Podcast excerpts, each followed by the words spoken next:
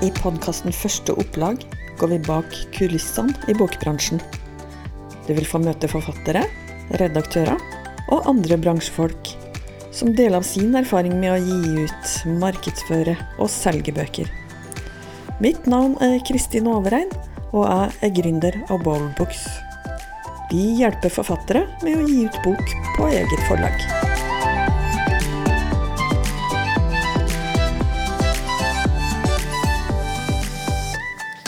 Denne episoden er nok spesielt interessant for deg som driver business, og som har et nettsted. Fordi forfatteren vi skal snakke med i dag, har skrevet en bok om hvordan man kan gjøre nettstedet sitt mer brukervennlig. Og det er riktig sagt. Are Halland? Ja, blant annet. Den uh, kjernemodellen da, som jeg har skrevet om, den uh, kan brukes til nettsted, og den kan brukes til egentlig alt av digital tjenesteutvikling. Men hvis du har en nettside du vil uh, skal bli bedre, så kan du bruke kjernemodellen til å tenke gjennom hvem du lager den for, hvorfor du lager den, hvordan du skal finne den, og det som er viktig for at en nettside skal fungere bra. Mm. Før vi snakker om boka, så må vi vite litt mer hvem Are. Du har jo veldig mange navn. Are Gjertin Urkjære Halland, faktisk. Ja, det har du. Men uh, for enkelhets skyld så kaller du deg bare Kjernekaren. Kjernekaren. jeg syns det er så Kjernekaren er meg. Uh, ja, et uh, brand skal en jo ha. Ja. Nei, hva skal jeg si, jeg har jo holdt på i den bransjen her, da. Digital tjenesteutvikling og strategi og innhold i et kvart århundre, faktisk. Vi begynte litt sånn før dotcom og liksom internett var helt nytt. Nå hørtes du veldig gammel ut, Are. ja, nei, det, det, er bare en, et tall. Hva har det med saken å gjøre? Eh, nei, men så har jeg vært eh, konsulent da, i, mm. i, mange, mange år. Blant annet da, 13 år i Netlife Design, som kanskje mange kjenner til. Mm. Eh, også jobba i Finn, i UX- og innovasjonsavdelinga der. Og så begynte jeg på for meg sjøl, da. Eh, det er vel to år siden nå. Ja, sånn. Hoppa av toget og ja. tenkte at nei, dette kan jeg gjøre sjøl. ja, hva, hva, var det som fikk deg til å tenke det, eller ta det spranget? Nei, det, det er vel noe med at um, jeg var egentlig en veldig dårlig ansatt, fant jeg ut. Var du en dårlig ansatt? Nei, eh, jeg har litt mange ideer og litt sånn springende. Kanskje litt bedre på oppstart eh, av ting, kanskje. Så det, det er iallfall det, det er lettere å bare administrere meg sjøl enn å, å, på en måte forholde seg til veldig mange. Så, så jeg har funnet ut at min på en måte forskjell er å, å komme inn og være meg sjøl ja, ja. i et uh, prosjekt og bidra med det som jeg er god på. Mm. Og så heller da tenker jeg å hjelpe altså Vi har jo jobba sammen med Ballbooks eh, også. Ja. Kjernmodellen og, og, alt.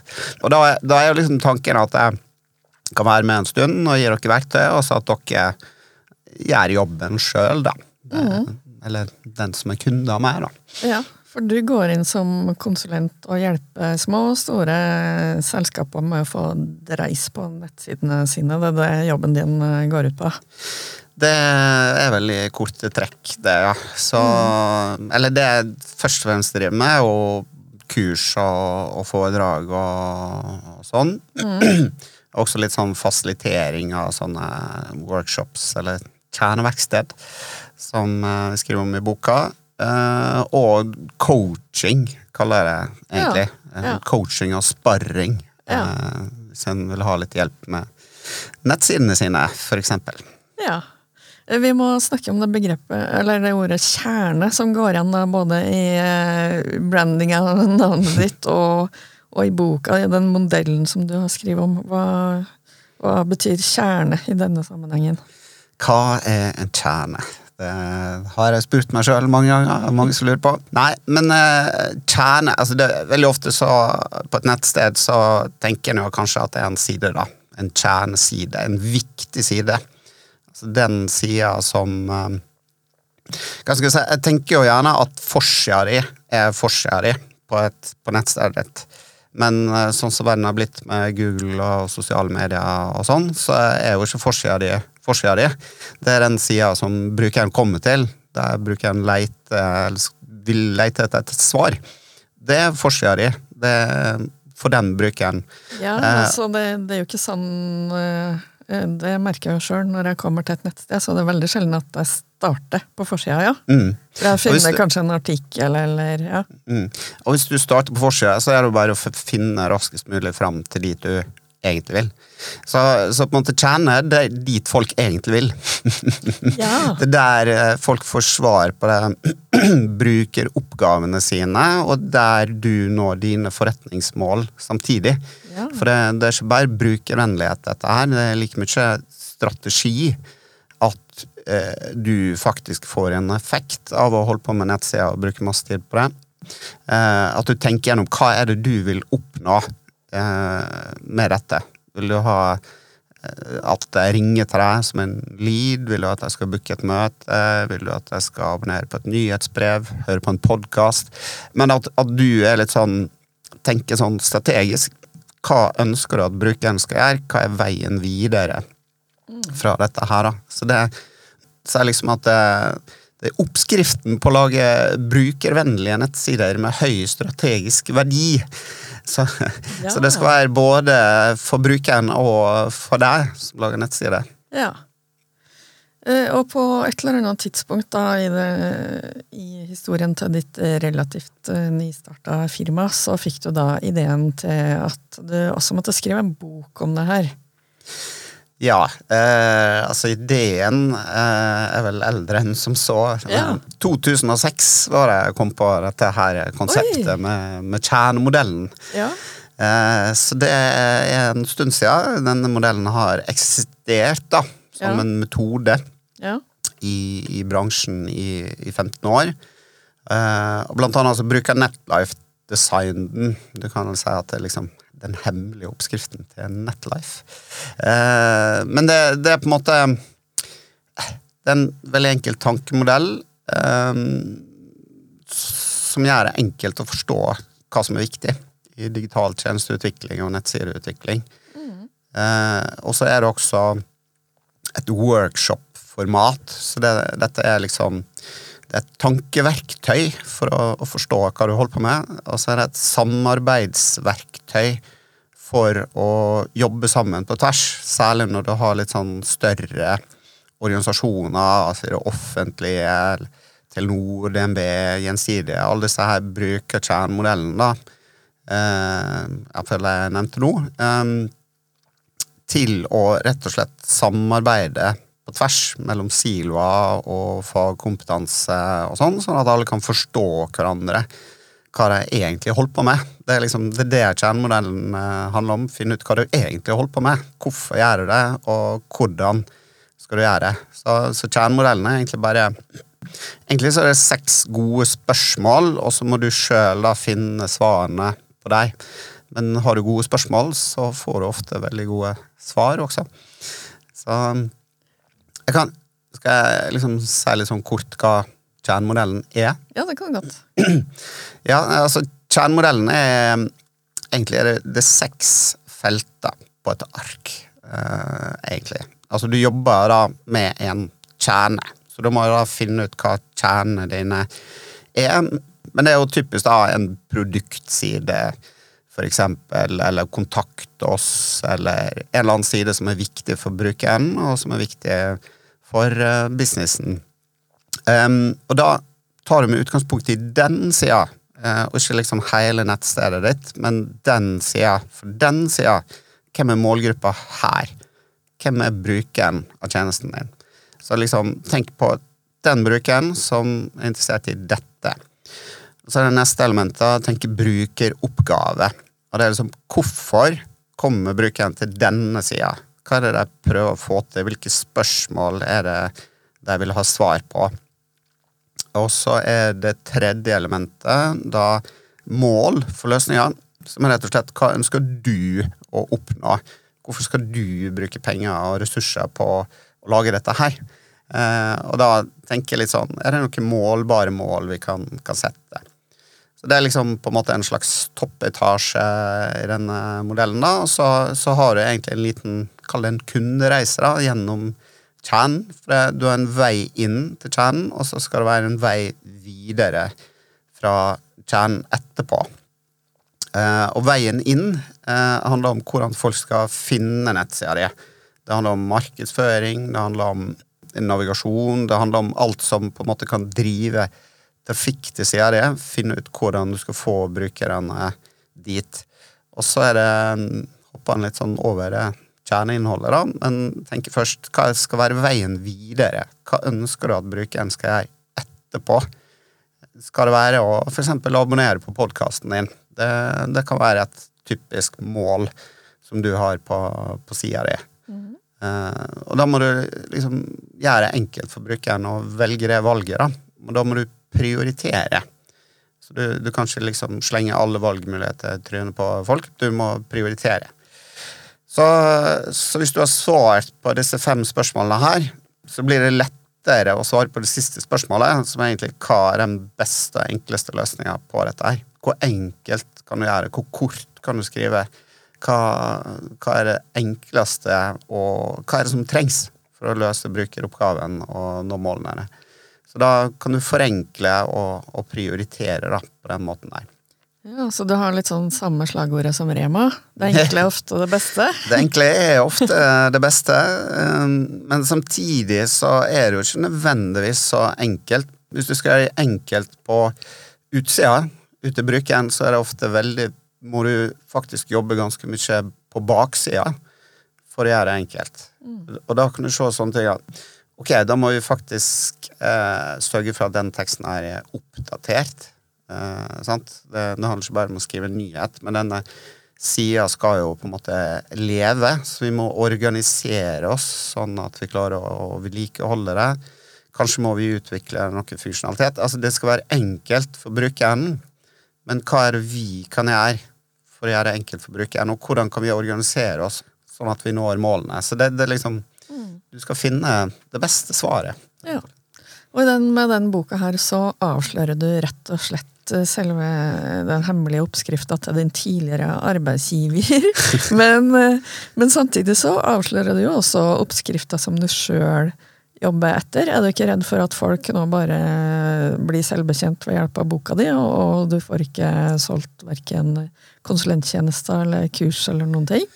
Eh, tvert imot. Eh, altså, jeg tror at jo flere som bruker dette her, eh, jo større behov er det for kurs eh, om de som vil gå enda dypere. Fordi denne modellen har så utrolig mange sider ved seg, og du, du, kan, du kan, dykke ned i strategiaspektet, i brukeroppgave, i liksom, atferdspsykologi og sånn. Så jeg har egentlig masse kurs da under planlegging det har alltid vært tenkt at deling er bra, uansett. Du får det alltid tilbake på en eller annen måte. Så den modellen har aldri vært hemmelig. Den har vært eh, på en måte fritt tilgjengelig hele tida. Og den blir jo brukt ganske mye internasjonalt eh, også. Jeg har jo vært på noen konferanser i det store utland, og var nettopp i Minneapolis på en sånn innholdsstrategikonferanse. Eh, og der er det veldig mange idémiljøer som bruker denne her for å på en måte få forankring for en innholdsstrategi i, i store konsern og sånn. Um, og da, da, er dette en metode som, som, fungerer godt til det, og blir brukt. Ja, så kult. Så eh, hvis jeg forstår, forstår deg riktig, da, så var motivasjonen din for å gi ut denne boka var rett og slett Eh, at det, eh, boka i seg selv kan bidra til å få fart på businessen din? Ja eh, Jo, men det, det, det, er litt sånn underordna for meg. Altså, det viktigste for meg er jo at folk bruker dette til å lage bra ting. Eh, jeg har liksom en sånn slags engasjement eller drive for at vi lager bedre løsninger, både for brukere, for organisasjonen og også for kloden. Eh, fordi alt vi lager digitalt, har også et karbonavtrykk. Så jo enklere og mer prioritert vi kan lagre det, jo bedre også for planeten, eh, faktisk. Så, så det er liksom eh, Og så brenner jeg for denne modellen. da, Jeg har tenkt på den i 15 år, og jeg har fortsatt ikke helt forstått hele rekkevidden av den. Det, det, det, er masse å grave i. Um, så, så, men selvfølgelig, jeg må jo på en måte leve også, og da ser jeg jo at det er masse behov for kursing og rådgivning rundt dette her. Så, så det er jo liksom et um, eksempel på at um, ja, hva skal si, Jo mer du deler, jo mer får du tilbake, tror jeg. Uh, når, hvis folk blir, leser denne boka, kommer i gang, bruker metoden, ser verdien, så vil vil den spre seg. Altså folk, så vil jo folk ha lyst på mer. Uh, så, så, jeg ser jo at det går ganske bra med kursvirksomheten nå. og Sånne podkaster som dette her gjør kanskje at det blir, går enda bedre. Um, og ja, så holder jeg foredrag og, og ting rundt det, dette her også. Mm. Kan du fortelle om uh, Eh, hvordan det var å gå fra å ha en bokidé i hodet til, til, å få den ned på eh, papiret, skal du si, eller nei, i tastaturet. Ja, det har vært en lang prosess for meg. Eller, jeg har tenkt på denne boka i 15 år.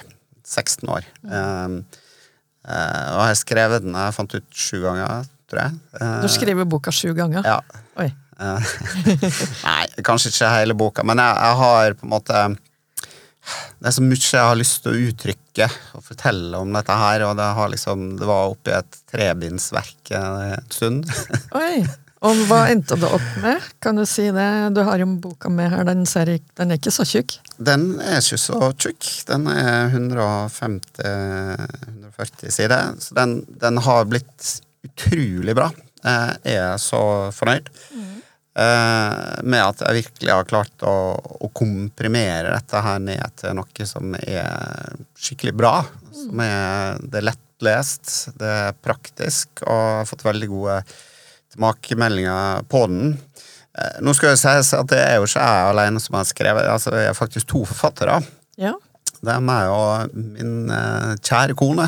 Din kjære kone, ja. Mona Halland. Vi er, vi er jo egentlig et kjernepar, vi, da. Kjernepar, vet du. Ja. Så, eh, men hun hjalp meg Altså, grunnen til at den ble så bra, er jo at hun kom inn og hjalp meg å og, og, virkelig få dette komprimert. Men eh, Så Moda har på en måte vært medforfatter, men så var det også det å få en redaktør. Um, som virkelig kunne ta dette manuset og si at eh, du, hallo, dette er dritbra, men hvis du gjør sånn og sånn og sånn, tar jeg kneppa der, så blir det fantastisk. Ja. Eh, og så gjorde jeg det, og så ble det veldig mye bedre. Men så var det fortsatt ting å gå på, og vi jobba med det. Så vi hadde to runder med en skikkelig god Roger Pil Fantastisk ja. uh, redaktør. Eh, utrolig fint fyr. Eh, så, så, det tok det virkelig kneppa i tillegg, liksom, som gjorde at det som kom ut her, er virkelig noe vi er stolt av. Går det an å si noe om hva er forskjellen før og etter samarbeid med redaktøren? Hva, hva som, hvilke knepp var det du gjorde? Jeg, si, jeg har liksom kjørt en sånn åpen prosess. Jeg har fått masse masse innspill. Jeg har hatt Facebook-gruppe og fått tusen innspill. Det, det, mangler ikke på innspill, liksom. Men noen som virkelig kan ta det overordna grepet og se Ok, hvor er du på vei? Hva er dette for noe egentlig? Hva er essensen? Hva er det som er egentlig bare går Ja, uh, som ikke tilfører noe. Uh, uh, så det er liksom helt sånn overordna grepet på hele prosjektet, og hvordan Ja, så det er rekkefølge, prioritering, det å dele opp i liksom to deler, eller tre er det vel, da, en intro så er modellen, og så er det kjerne- og vekststedet. Så, så, sånne grep var veldig, veldig bra. Og så For det, altså det med en reaktør, det er jo Hva skal jeg si Det er, skal si det elsk-hat, men det er, du får tøffe tilbakemeldinger. Det er liksom 'Dette må du slette'. Oi. det, det, er tøft å, å få. Eh, men det må du. Eh, altså hvis det skal bli bra, så må du slette, slette, slette. slette. Eh, synd og sære. Ja, dere hadde ikke noe tro på at det var lurt å gi ut en trebindsversjon? Ja, jeg hadde jo lyst til det, selvfølgelig, men det var ingen som ville ha lest det. så Nei, men det var utrolig Det var på en måte det som virkelig gjorde det bra. Mm. Hva, du, hva, gjorde du ellers videre i uh, selve bokpubliseringsprosessen? Ja, nei, jeg hadde jo redaktør, og så hadde vi eh, språkvask og korrektur. Eh, og det var også utrolig bra. Eh, eh så den språkvasken Uh, går jo på å få det til å, å, henge sammen. At du snakker med én stemme, og at det er ikke er sånn sjølmotsigelse av masse, masse ting som han rydder opp uh, i der. Og, og, korrektur er jo en, altså Jeg skjønner ikke at folk klarer å virkelig være så nøyaktig og, og luke ut eh, ting, men det er liksom det er jo to forskjellige ting, da. Språkvask og, og korrektur, og begge deler tenker jeg like viktige for, eh, for sluttresultatet. Mm. Og så ser jeg du har et veldig fint cover som også tar opp i seg elementer fra selve modellen din, da. Mm. Ja, um, for der, uh, der uh, uh, Der kjørte vi kanskje en litt større prosess enn en normal forfatter ville ha gjort, tror jeg. For det, vi Ja, jeg kjenner noen designere som eh, Fossland og Foss, eh, som er fantastiske, som har egentlig tatt hele modellen og tenkt liksom konseptet rundt, og laga en, en, fargerik eh, altså det, Modellen har vært et svart-hvitt ark i 15 år, men nå har den blitt sånn fargerik, sånn at alle elementene har en unik farge, en unik form, og da kan du bruke det både digitalt og analogt. og og boka er jo gjennomsyra av det designet her. Og i tillegg så har vi også laget et nettsted som er på en måte i samme designprofil, da. Så vi følger jo liksom uh, uh, elementene i boka, da. Altså, vi har veier videre fra boka, selvfølgelig, til nettstedet. Uh, og motsatt. altså nettstedet skal jo selge boka, og boka skal jo lede til nettstedet. Så så, så, dette er et lite univers, da. Eh, som også inkluderer boka. Ja. Det ble et helhetlig konsept, og mm. designeren også begynte å blande seg inn i forretningsvirksomheten, rett og slett. Ja. På en positiv måte, da. Definitivt. Veldig positivt. Mm. Det var også en veldig fin prosess. Eh, hva vil du si Sånn som jeg skjønte, så det her er din første bok, ikke sant? Du har ikke mm. skrevet noen bok før, du? Nei. Eh, I løpet av det du har vært gjennom både skriving og alle eh, leddene i selve utgivelsesprosessen, hva er det som har overraska deg mest? Hmm. Ja, nei, alt er jo nytt når du er forfatter. Nei, det, det er jo hadde vel en slags anelse om at distribusjon og markedsføring var, var utfordringer som uh, jeg måtte ta etter hvert. Uh, um, men uh, Og distribusjon Ja, det, det har funka fint. Vi har tatt det med Forlagssentralen etter hvert. Men det med markedsføring er jo, det er jo en jobb. rett og slett, å få det ut. Og nå er jeg, jo, jeg har jobba med disse tingene i, i, mange år, så jeg, jeg har liksom sånn Ikke hatt en sånn veldig uttalt strategi, så jeg har hele tida vært på Facebook eh, og hatt en gruppe der, og på en måte mm, skal liksom bygge mitt eget brand eh, like mye.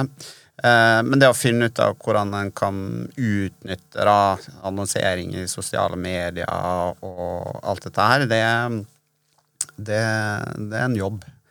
Um, eh, det kan ofte lønne seg å, betale for folk som kan den jobben. Um, men det er liksom finne ut av det, da. Uh, ja, markedsføring, hvilke kanaler er det du har? Og, og da handler det veldig mye handler om nettverket ditt, eksempel. Virkelig utnytte det du Folk du kjenner som kan hjelpe. Ta en kaffeprat med folk som, som er på en måte interessert i temaet, som kan hjelpe deg både med på en måte Ok, her kan du Jeg har jo fått den inn på pensum. Um, på ja, ja, på BI, til og med. Pensum på BI? Pensum i sosiale medier på, på BI. Yes, hvordan foregikk det? Hvordan fikk du til det? Hvordan, eh, ja, nei, altså, Det er jo også nettverk, da. Um, um, at jeg kjenner hun eh, Cecilie som, som har et studie.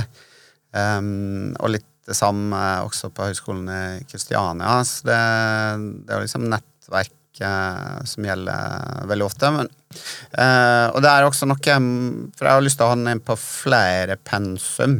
Uh, jeg tror den passer på alt fra på en måte altså videregående skole Eh, kommunikasjonsfag der. Eh, mer vitenskap. Eh, altså den markedsføring. Den, den, har en plass mange steder. Men det å på en måte knekke den koden på hvordan jeg skal få den inn på pensum hos andre institusjoner der jeg ikke har nettverk, det må, det må jeg jobbe litt med å knekke. Men det, å sende et sånn eh, gratiseksemplar, da, og, og ringe deg og fortelle litt om dette her. Og, og må, da må man jo inn tidlig i prosessen, sant? for pensum ble jo lagt eh, for neste år eh, veldig, veldig tidlig. Så, du, så, der er det å på en måte finne ut hvem skal en snakke med, hvordan skal en gå fram, eh, når må en ha det, og, og, sånn. Og igjen så er det jo liksom å prate med folk, da. Hvis du kjenner noen, så vil jo de kunne si ja, men da må du snakke med henne. Eh, og det er pensumfrist sånn og sånn. Eh, jeg kan sant? Så det, liksom, nettverket ditt er jo ikke at du bare må kjenne folk direkte, men også at folk kjenner andre folk. Så, så det å ut og prate med der du kjenner, og få deg til å hjelpe deg, det, det er veldig, veldig nyttig. Ja, få litt fart på jungeltelegrafen selv, ja. Mm. Det må jo tenke, det må jo telle veldig positivt at uh, du kan si at boka allerede på pensum på BI og Høgskolen Kristiania. da. Det må jo være det, fint å ha på CV-en sin. Det, det hjelper. Ja. Da, da, er det lettere å få den inn andreplasser. Så Ikke sant? absolutt. Eh, men ellers så, hvis jeg forsto det riktig, så er det sosiale medier som er din markedsføringskanal, og først og fremst Facebook. Stemmer det? Nja eh, Jeg har egentlig mer på LinkedIn eh, nå. Fordi eh, altså, jeg er mer sånn bedriftsmarkedet og, og sånn. Um, så, så det siste så har jeg iallfall vært mest bevisst på, på, LinkedIn, hva jeg deler der. Men jeg ser også at Facebook har veldig stor effekt. da. Jeg har en sånn Facebook-gruppe som jeg brukte litt sånn for å få innspill eh, til boka. Der må jeg på en måte skjerpe meg litt på å følge opp den. Eh, det er mange ting en skal gjøre. Eh, også det å komme i gang med annonsering på, på Facebook. Altså for, for folk må jo vite om dette her, hva det er for noe. og da må jeg jo jobbe med å For det er en utfordring Uh, få folk til å skjønne hva dette egentlig er. Jeg skjønner jo knapt sjøl. Nei, men sånn, Dette er en metode som er fantastisk, som funker til alt mulig. Men hva er den funker til? Hvilket problem er den en løser for folk? Så det å, å klare å liksom spisse det budskapet og få det eh, Altså både gjennom annonse, men også kanskje med å eh, ja, delta i diskusjon i andre grupper og alt du kan gjøre for å eh, ja, få oppmerksomhet rundt et tema. Det er ikke sånn at du må selge boka i alt du gjør, men, men hvis du kan på en måte pense det inn på riktig tema, så, så, kan du jo på en måte Ja, så vil det alltid eh, by seg en mulighet på et eller annet tidspunkt at folk spør om noe, eller ja, for Du sa jo at var, du liker å dele, og det kan du også gjøre i sånne grupper. da. At du kan dele relevante tips som har med boka di å gjøre, og så, kan, så, blir det på en måte litt sånn snikreklame. Uten at du ja, trenger å selge den sånn direkte. Nei, sant. For jeg, jeg driver jo og lager nye maler eh, som fortløpende til disse nye verktøyene som Miro og Mural og Figjam og whatnot. Eh, så det, det, er også ting som jeg deler helt fritt og åpent. Og jeg skriver jo liksom bloggartikler Eh, og forskjellig. Og så er det jo medieoppslag er jo lurt. Eh, så vi, der har vi vi har hatt noen fine oppslag på Kom24 og på Skifter. Eh, og der kunne jeg helt sikkert jobba enda mer med å, å få inn altså sant, tenk, Hvem er målgruppa di? Hvor, og hva er det ledere? Ja, da har du leder nytt, og så har du noen andre. Og da, du kan jo du kan skrive en kronikk. Du kan Altså, vi sendte ut en, en pressemelding, men den må kanskje spisses mot de forskjellige eh, mediene og sånn. Blant annet så liksom, vi sendte ut en, en pressemelding samtidig til Kom24 og kampanje. Eh, og da plukka Kom24 opp, men ikke kampanje, for da hadde Kom24 allerede kjørt den. Så det er liksom ja. sånne ting du, du lærer. ja, for det mediene ville være først, og ellers er det ikke så interessant. Sant. Mm. Men, men, du sendte da samme, akkurat samme teksten, eller? Nja Ja, jeg gjorde vel det der, da. Så Men eh, det er jo det å klare å lage en vinkling som er relevant for den publikasjonen. Ja. Um, så, så klarer jeg å spisse det. Eh, nå har jeg vært journalist eh, en gang i et tidligere liv også. Så det å vinkle, vinkle budskapet ditt til det som er interessant for den publikasjonen, mm. Eh, det er en nøkkel. Ja. Hvor er det boka di blir solgt? Er det sånn at du selger du mest direkte til bokkjøperne sjøl, du, eller? Jeg selger mest direkte til bokkjøperne sjøl. Og det syns jeg er utrolig bra, for da veit jeg jo hvem kjøperne er. Ja, fordi de kan jo også være en potensiell kunde. Nettopp. Ja. Uh, så jeg bruker rett og slett å friende folk på LinkedIn. Altså jeg ser du har kjøpt boka, kult, og nå kommer den, send den på fredag, og, ja, og sånn. Og da, da, har jeg liksom connecta på LinkedIn. Mm. Det er en måte. Så det, det, er mange fordeler med å selge det sjøl. Um, så jeg selger jo, Hvis jeg er på konferanse, så har jeg en liten sånn konferanserabatt, og så kjøper folk på VIPS. Eh, eh, så det har jeg gjort en del. Og så Jeg selger jo inn ting i forbindelse med kurs. Og så har jeg vært hos noen sånne bokhandlere, da. Nordli eh, her i Oslo. Og også en bokhandler i Bergen og på BI. Men da må du nesten på en måte gå til den bokhandelen og, vise fram boka. Og, så, så, er det jo litt sånn bruker Forlagssentralen har jo noen sånn typiske rabatter og sånt, så, men du må jo på en måte jobbe litt med å få dette inn hos eh, bokhandlere. Um, men det er klart, når folk ser at den blir kjøpt via nettbutikker, f.eks., så er det større sjanse for at jeg tar den inn fysisk.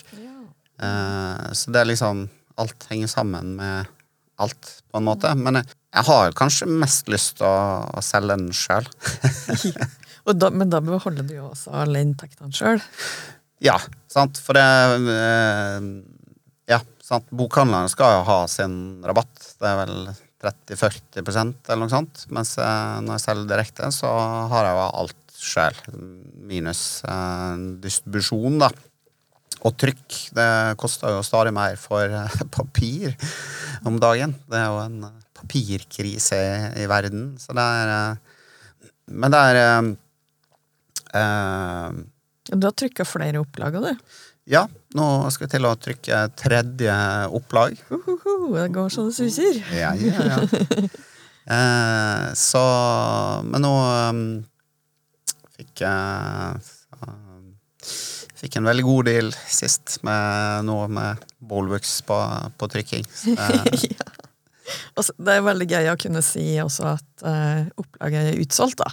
Ja, ja, ja. Det, det hjelper. Så nå, men ja, så det var første opplaget var på 500, andre var på 500, så eh, Så har jeg solgt 1000, da.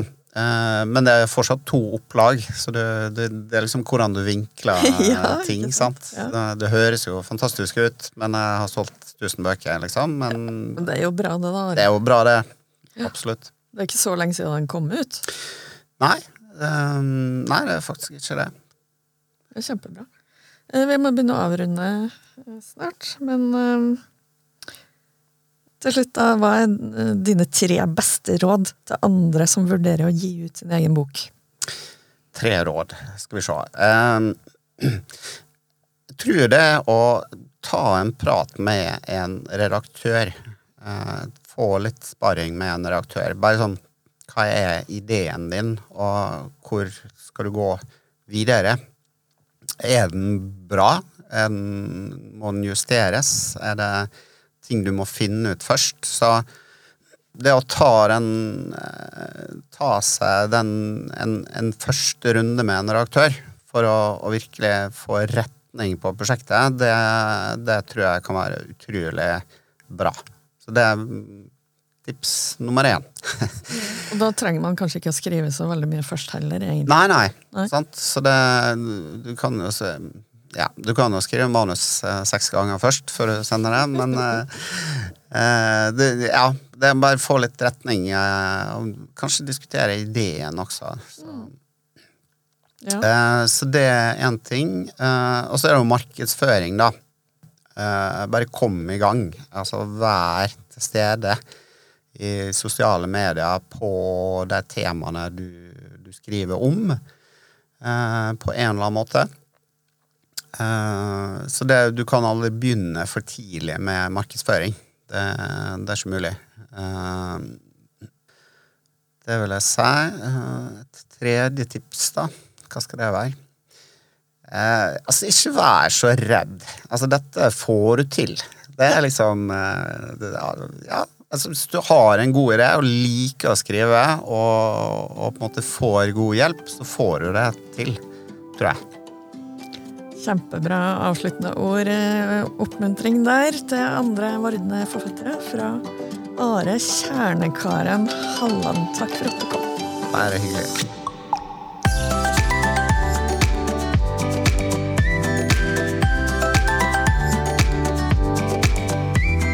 Du har hørt en episode av Første opplag, en podkast produsert av Bowlbooks. På bowlbooks.com kan forfattere få direkte tilgang til eksperter i alle deler av bokprosjektet. Alt fra redaktør og korrektur til bokdesign og trykking. Forfatteren investerer i kvalitet og beholder full kontroll og alle rettigheter og inntekter av sin egen bok.